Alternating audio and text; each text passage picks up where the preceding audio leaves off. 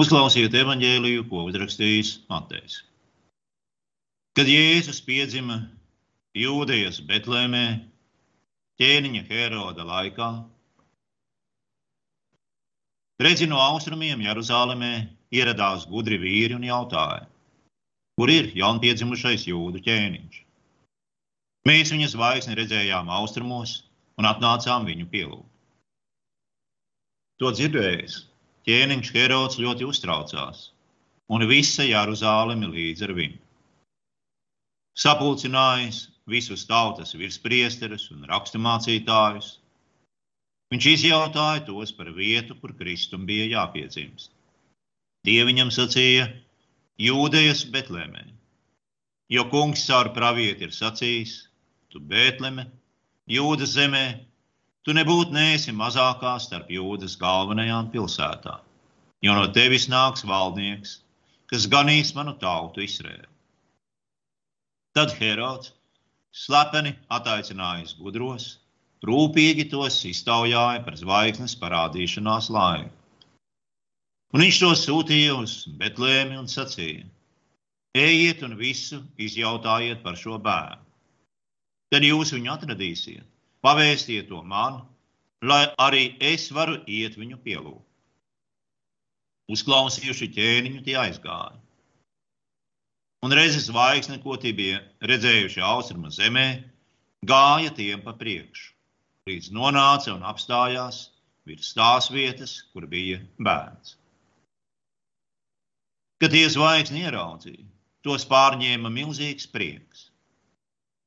Iegājuši tajā namā, tie redzēja bērnu kopā ar Mariju, viņa māti, un nokrituši ceļos tie viņu pielūdza. Tie atvēra savas dārguma lādes un pienesa viņam dāvanas, zeltu vīraku un mīres. Sapnī brīdināti pie Heroda neatgriezties, tie devās atpakaļ pa citu ceļu savu zemi.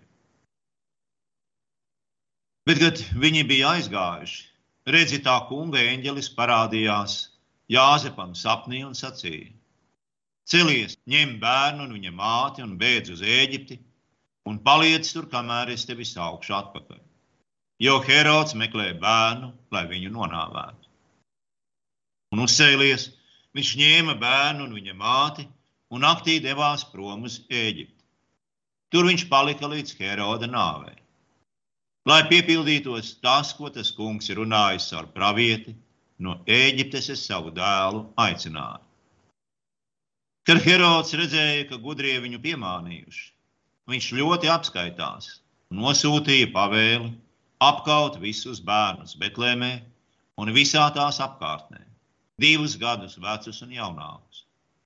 Pēc tā laika, ko viņš bija uzzinājis no gudrajiem. Tad piepildījās, ko tas kungs caur pravieti Jeremiju ir sacījis. Balsts dzirdama rāmā, raudas un daudz vaimenu. Rāhele aprauc savus bērnus ar neaugstu mierinājumu, jo viņu vairs nav. Bet, kad Hērods nomira, redzi tā kunga eņģelis parādījās Jāzepam sapnī Ēģiptē un sacīja: Celies, ņem bērnu un viņa māti un dodies uz Izraēla zemi. Jo tie, kas tīkoja pēc bērna dzīvības, ir miruši. Un cēlies viņš ņēma bērnu un viņa māti un atnāca uz Izraēla zemi. Bet izdzirdējis, ka Jūdejā Arhelais valda sava tēva Heroda vietā, viņš baidījās turp doties. Un sapnī brīdināts, devās uz Galilejas apgabalu. Tur atnācis viņš apmetās nāceretē. Tā piepildījās, ko tas kungs ir runājis caur praviešiem. Viņu sauks par nācerieti. Āmen. Matejs ir vienīgais no evaņģēlistiem, kurš sniedz mums ziņas par austrumu gudrajiem. Svētās ģimenes bēgšanu uz Ēģipti un atgriešanos Jūdu zemē. Katrs evaņģēlis bija vai nu notikumu aculiecinieks kā Jānis, vai ieguvi ziņas par Jēzus dzīvi no mutvārdu un rakstītām liecībām. Izvēloties tos notikumus, kurus nebija izvēlējušies citi, un kas labāk atbilda viņu stāstījuma mērķiem.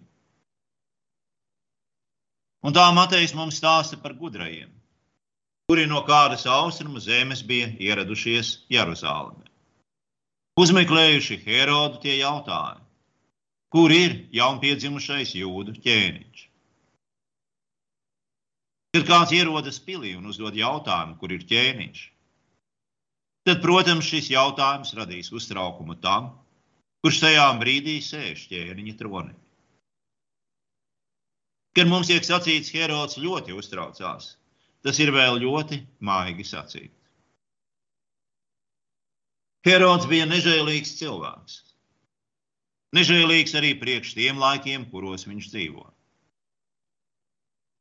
Paranoiskās bailēs pazaudēt savu varu, viņš nogalināja daudzus savus galveniekus un pat savas ģimenes locekļus. Uzzinājis no priesteriem un raksturmācītājiem, ka saskaņā ar pravietojumiem Kristum ir jāpiedzimst Betlēmē. Viņš mudināja austrumu gudros doties uz šo Dāvida pilsētu, atrast Kristu un tad paziņot viņam. Lai arī viņš varētu it kā iet un pielūgt Kristu. Protams, sakot, ka viņš vēlas pielūgt, savā prātā Herods domāja ko citu. Nokaut. Gudrie vīri atrod Jēzu bet sapnī tiek dieva brīdināti, un nesakot Herodam neko, tie dodas māju pa citu ceļu. Saprastams, ka viņš ir piekrāpts. Nežēlīgais Herods liek apkaut visus bērnus Betlemē un visā tās apkārtnē, divus gadus vecus un jaunākus pēc tā laika, ko viņš bija uzzinājis no gudrajiem. Šādi Herods cer atbrīvoties no nevēlamā pretendenta uz viņa tronu. Ņemot vērā vēstures datus, nokauto bērnu skaits varēja būt nu, no 20 līdz 30 bērniem. Kā Dievs sapnī bija brīdinājis Jāzepu par Heroda nodomiem, Jāzeps ar Mariju un Jēzus bērnu aizbēga uz Ēģipti. Ēģiptes pilsētā Aleksandrijā atradās liela jūdu kopiena, kur patvērumu bija atraduši daudz. Daudz tādi, kuri uzskati atšķīrās no Heroda politikas. Visticamāk, arī Jāzeps devās tieši uz Aleksandriju.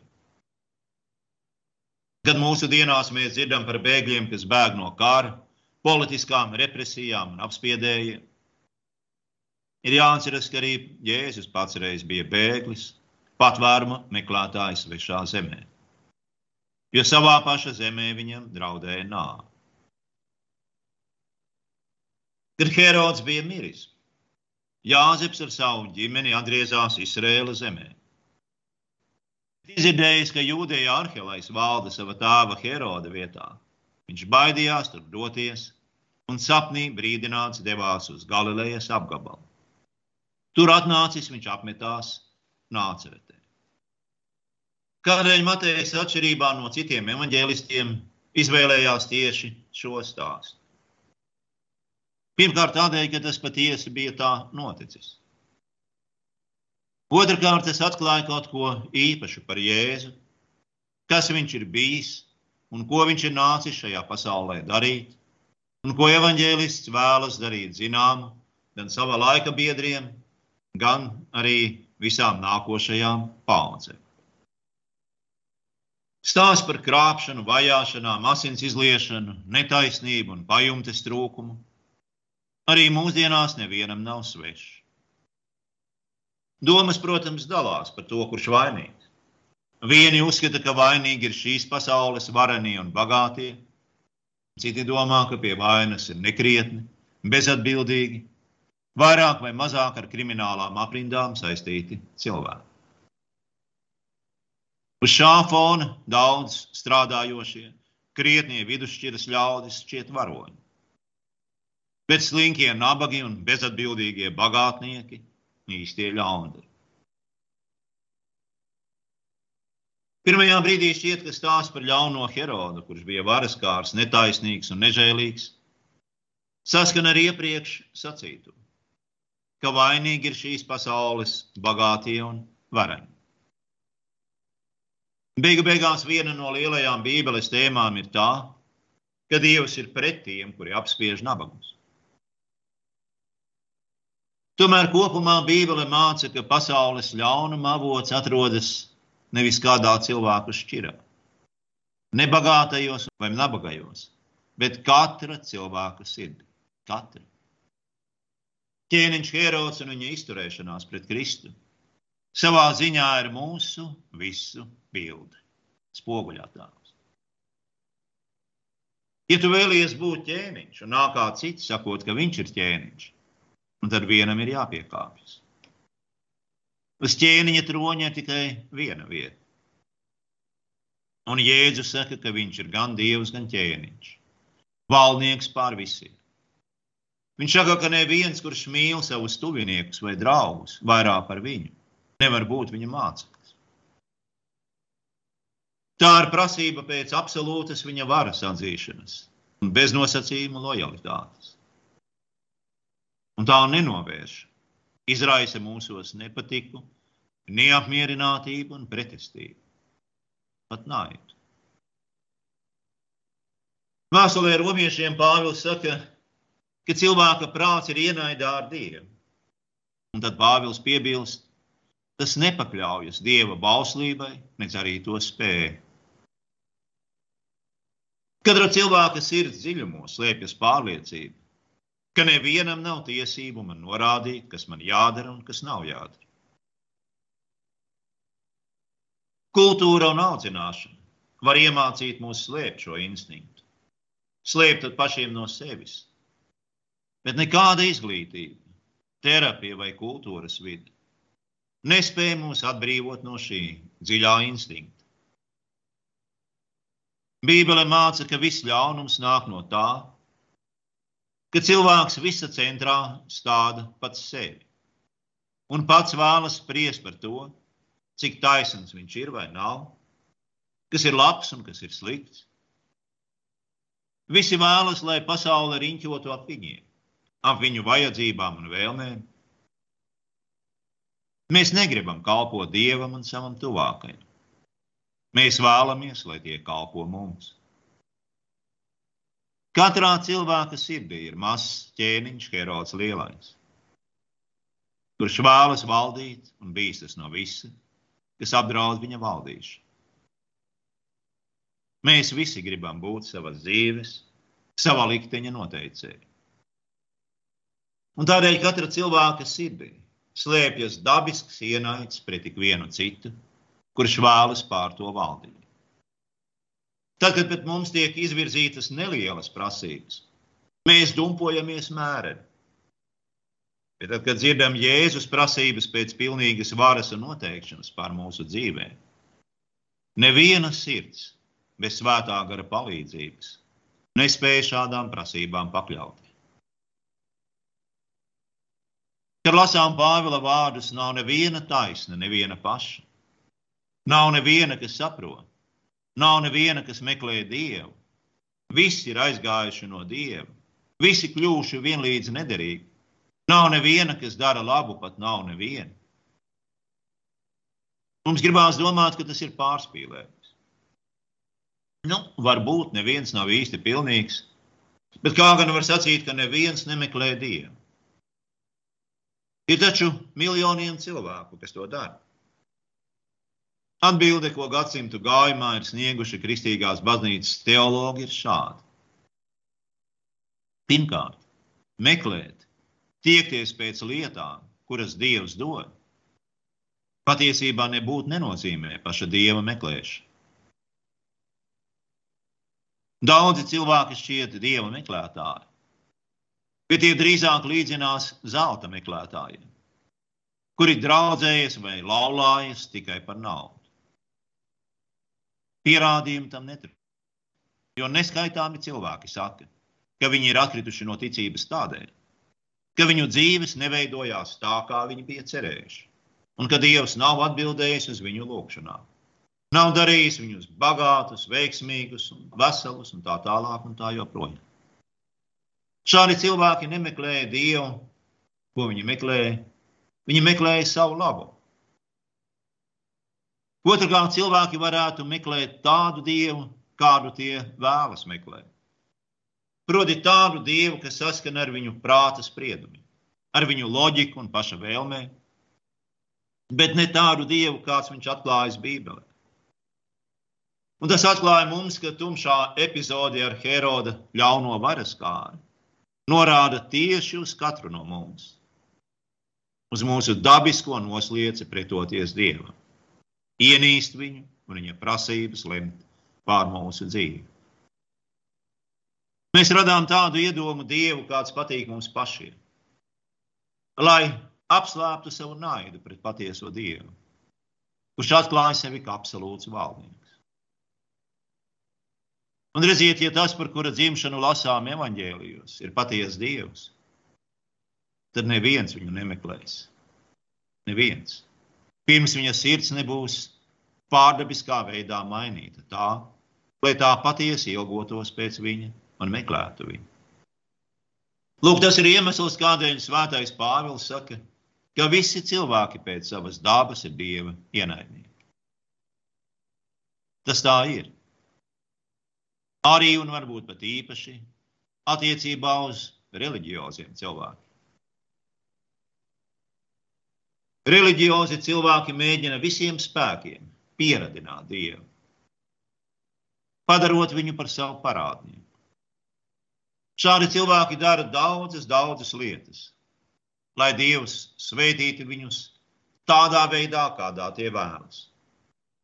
Un reliģiski cilvēki ir vismaz tikpat naidīgi pret Dievu, kā tie, kas nepraktizē vispār nekādu reliģiju. Reliģiskie cilvēki tikai atrod reliģisku veidu, kā apslēpt savu sirdī mītošo naidu pret Dievu. Jautājums, kur ir īstais ķēniņš? ir pats uztraucošākais jautājums ikvienam. Ja mēs visi vēlamies valdīt pār savām dzīvēm, lai paliktu tronī, mēs varam likt lietā reliģiju. Šķietami padarot Dievu par savu parādnieku. Varam arī bēgt no baznīcas un skaļi pasludināt, ka nekāda dieva nav. Bet lai kuru ceļu kāds izvēlētos, Tas paudīs cilvēka dabisko naidu pret dieva valdīšanu viņa dzīvē. Vai nu tas ir reliģiskais ceļš, vai arī reliģijas noliekšana. Vai tu zini, ka tavā sirdī mīt šāds naids pret Dievu? Ja tu domā, ka es pārspīlēju, tad tu nepazīsti pats sevi. Tad tu vienkārši dzīvo iedomu pasaulē. Kāds plaši pazīstams filozofs ateists atzīst, nav tā, ka es vienkārši neticu Dievam un dabiski ceru, ka mani uzskati ir pareizi. Es ceru, ka Dieva nav. Es negribu, lai Dievs būtu. Es negribu tādu universu, kur ir Dievs. Mans minējums ir, ka šī kosmiskās autoritātes problēma ir bieži sastopama. Nu, lūk, tas, ko šis filozofs sauc par kosmiskās autoritātes problēmu, tieši sasaucas ar Pāvila vārdiem. Ka visi cilvēki pēc savas dabas pretojas dieva valdīšanai. Tādu cilvēku, kuri būtu pilnīgi vienaldzīgi par to, vai dievs ir vai nav, vienkārši nav. Un tāpat tas ir arī jautājumā par Ziemassvētku. Ja dieva dēls patiesi piedzima silītē, tad esam zaudējuši tiesības būt par savas dzīves noteicēju. Tad noteicējs ir viņš. Un neviens pret to nevar palikt vienaldzīgs vai saglabāt neutralitāti. Tad labāk jau ir meklēt glābiņu reliģiju. Ar šo vārdu saprotot mēģinājumu pielabināt Dievu. Kristiešiem ir jāatceras, ka Dievs mums patiesi ir piedevis, ka Viņš mūs ir salīdzinājis ar sevi. Bet vienlaicīgi mums jāatceras, ka mūsu sirds dziļumos joprojām slēpjas dusmas un naids pret Dievu. Un tas joprojām paliks tur līdz tam brīdim, kad pienāks laika beigas, un mēs tiksim Dieva pagodināti, saņemot jaunu miesu, kurā vairs nebūs grēka. Ziemassvētki ir reāls stāsts. Ap to saistītie notikumi ir reāli. Un tie arī māca, reāli mums raudzīties pašiem uz sevi. Kādēļ, kā jūs domājat, ir tik grūti lūgt Dievu? Kādēļ ir tik grūti koncentrēties uz pašu godības pilnāko personu? Kādēļ mēs atkal un atkal no jauna darām to, ko esam apņēmušies nekad vairs nedarīt? Šiem jautājumiem apustulis Pāvils atbild mūsu vietā. Es neapjēdzu, ko pats daru, jo es nerīkojos tā, kā gribu, bet daru to, ko pats ienīstu. Mūsos joprojām mīt mazs lielais herodiņš. Tādēļ mēs nevaram gludi un līgani slidēt cauri kristiešu dzīvē. Jo ir kaut kas mūsos, kas noteikti un stingri tam pretojas. Ir Jēzus ienāk šajā pasaulē. Viņš neizturas kā tāds ķēniņš, kādu sagaida pasaule. Viņam nav akadēmiski apstiprinātu pilnvaru, zinātņu grādu un pat sociālā statusa. Kad Jāzeps ar ģimeni atgriezās no Ēģiptes, viņš apmetās tik tālu no ķēnišķās varas centriem, cik tālu vien iespējams. Proti, viņš devās uz Nāceri. Tādējādi Jēzus nebija tikai dzimis silītē, lopu kūtī, bet viņš uzauga arī Nāceretē. Un to, ko tas nozīmē, mēs varam noprast no Natanēla vārdiem kurš uzzinājis, ka Jēzus ir no nāceretes izsaucis. No nāceretes? Vai no nāceretes var būt kas labs? Ik viens jūdejā nicinājumi raudzījās uz tiem, kuri dzīvoja Galilejas nāceretē. Tomēr Dievs bija izkārtojis lietas tieši tā, lai Jēzus uzaugtu nāceretē.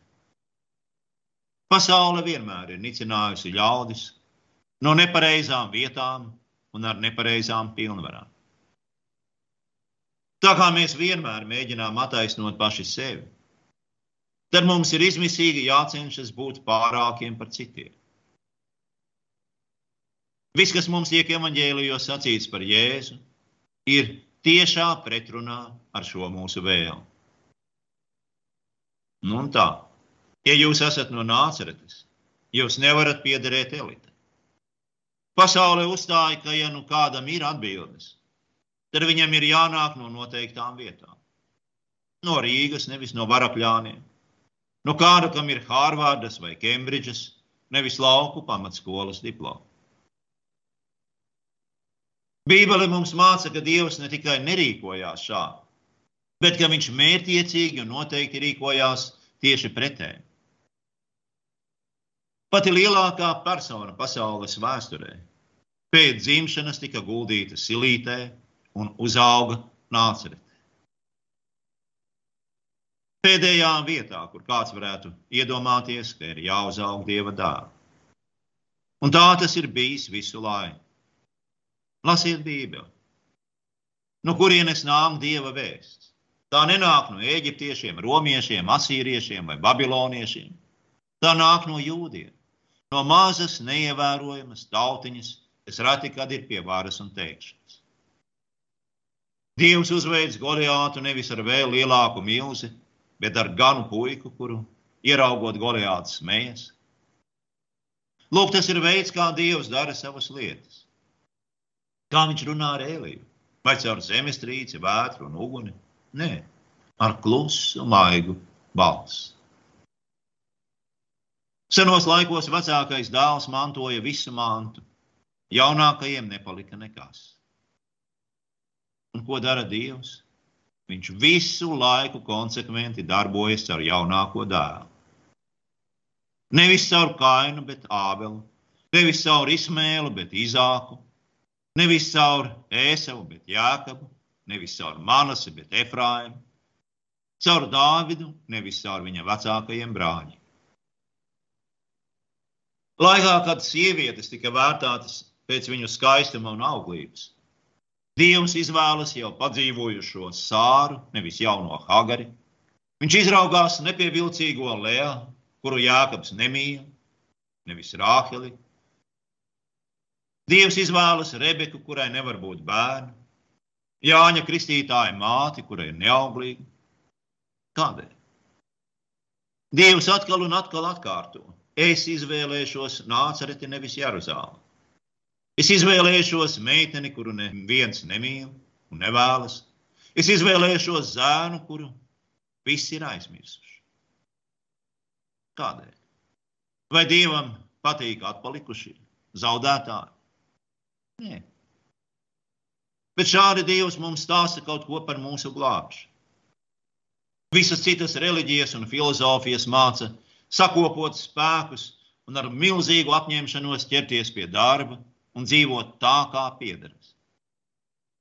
Un tā arī tās visas šķiet pievilcīgas stiprai.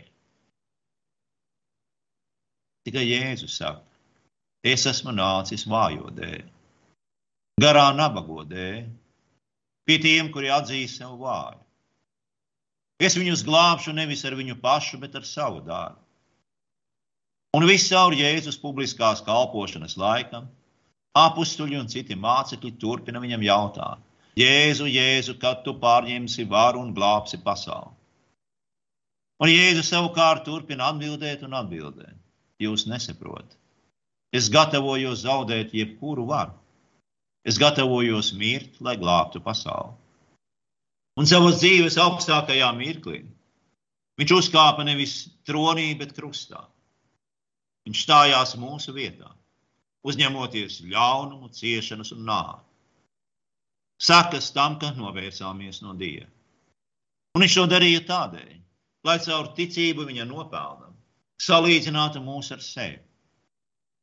Un tad, kad viņš nāks otrreiz kā godības ķēniņš, lai tad viņš varētu pielikt punktu ļaunumam, nepieliekot punktu mums.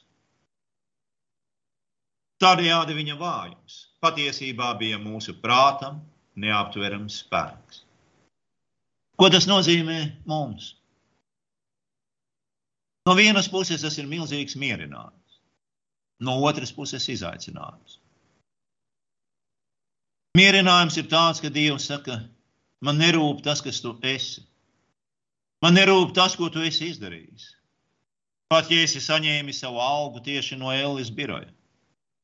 Man nerūp, kāda ir tava pagātne, kādi tumši noslēpumi tajā slēpjā. Mani neinteresē tas, ka esi visu salaidis grīstē. Ja vien tu nožēlo visu, kas esi un ko esi un ko neesi darījis, un nāc pie manis ar manu mīļo dēlu Jēzu Kristu, es tevi pieņemšu un ar prieku darīšu par sevi derīgu cilvēku. Īsi sakot, Dieva žēlastībai nav robežu un nosacījumu. Nekādu. No otras puses, kristieši dzīvo pasaulē un atrodas arī vāras, bagātības, talantu un skaistuma vidū. Un Ziemassvētku vēsts mums māca nenovērsties no šādiem ļaudīm, bet arī nejūsmot par viņiem. Kristiešiem ir jābūt arī šādu ļaužu vidū. Jāmīl viņu un jākalpo tiem kā savam tuvākajam. Tas ir milzīgs izaicinājums un kārdinājums. Kristieši dzīvo šo ļaužu vidū, bez vēlmes gozēties viņu spožumā, varā un bagātībā. Kristietis zina, ka rase, izcelsme, bagātība un sabiedriskais status nenozīmē pilnīgi neko.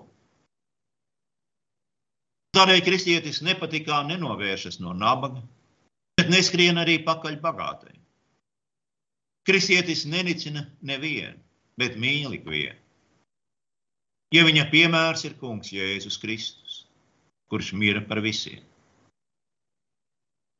Ar ienākšanu šajā pasaulē, ar savu dzīvi un savu nāvi, Kristus apgrieza pasaules ideju par panākumiem un laimi ar kājām gaisā. Svētīgi garā nabagie, svētīgi tie, kam bēdas, svētīgi lēnprātīgie, svētīgi izsalkušie un izslāpušie pēc taisnības. Svētīgi žēlsirdīgi, svētīgi sirdšķīsti, svētīgi miera nesēji un taisnības dēļ vajāti. Svētīgs tas, kurš tiek lamāts un vajāts un atmelots Kristus dēļ. Un, ja tas tā notiek, esiet priecīgi un līgsmi, ja jūsu alga ir liela debesīs. Kādēļ? Tādēļ, ka Jēzus piedzima silītē un uzauga nāceretē. Āmen!